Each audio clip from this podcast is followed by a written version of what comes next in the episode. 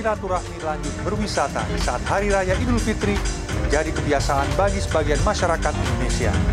Tak heran, destinasi wisata di Kota Batu dipenuhi wisatawan usai salat Idul Fitri.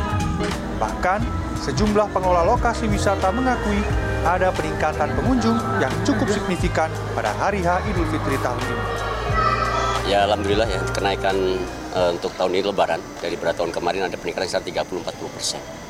Sedangkan mungkin puncaknya kita prediksi antara hari ini Sabtu sampai Minggu mudah-mudahan bisa lebih lah naik jadi 50-60 persen. Menyambut masa libur lebaran, pengelola lokasi wisata menyiapkan berbagai atraksi. Endang mengatakan, lebaran tahun ini menjadi momentum untuk kembali menyemarakkan pariwisata Kota Batu pasca pandemi COVID-19 menghantam. Apalagi, sudah tidak ada lagi pembatasan kegiatan masyarakat. Wisatawan yang datang mengaku memiliki waktu yang tidak banyak untuk memanfaatkan sisa hari libur mereka dengan berwisata.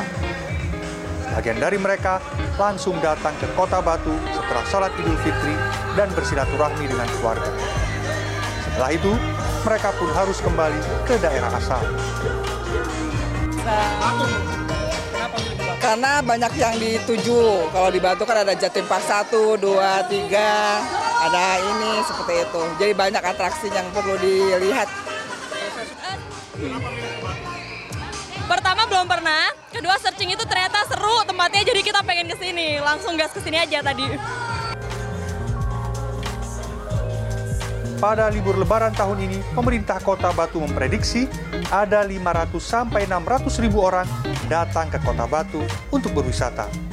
Angka ini naik dari tahun lalu yang mencatatkan angka 430 ribu orang. Miftah Farid, Miki Peresia, Batu, Jawa Timur.